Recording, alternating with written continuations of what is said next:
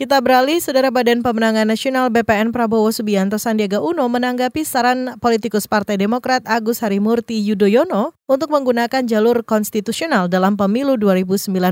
Direktur Hukum dan Advokasi BPN Sufmi Dasko Ahmad balik mempertanyakan langkah mana yang disebut AHY sebagai inkonstitusional. Sufmi mengklaim BPN telah memilih jalur konstitusional dengan melaporkan dugaan kecurangan pemilu ke Bawaslu. Saya rasa semua juga yang mau memperingati yang belum dan sudah itu bisa lihat sendiri bahwa Badan Pemenangan Nasional Prabowo Sandi sudah melakukan sesuai konstitusi ya kami melaporkan dugaan kecurangan di Bawaslu kami kemudian mengambil langkah-langkah hukum yang dianggap perlu sebelumnya saudara politikus Partai Demokrat Agus Harimurti Yudhoyono mengusulkan agar Prabowo Subianto menunggu hasil penghitungan suara KPU putra sulung SBY itu juga menyarankan Prabowo menggunakan jalur konstitusional dalam menyikapi dugaan kecurangan pemilu 2019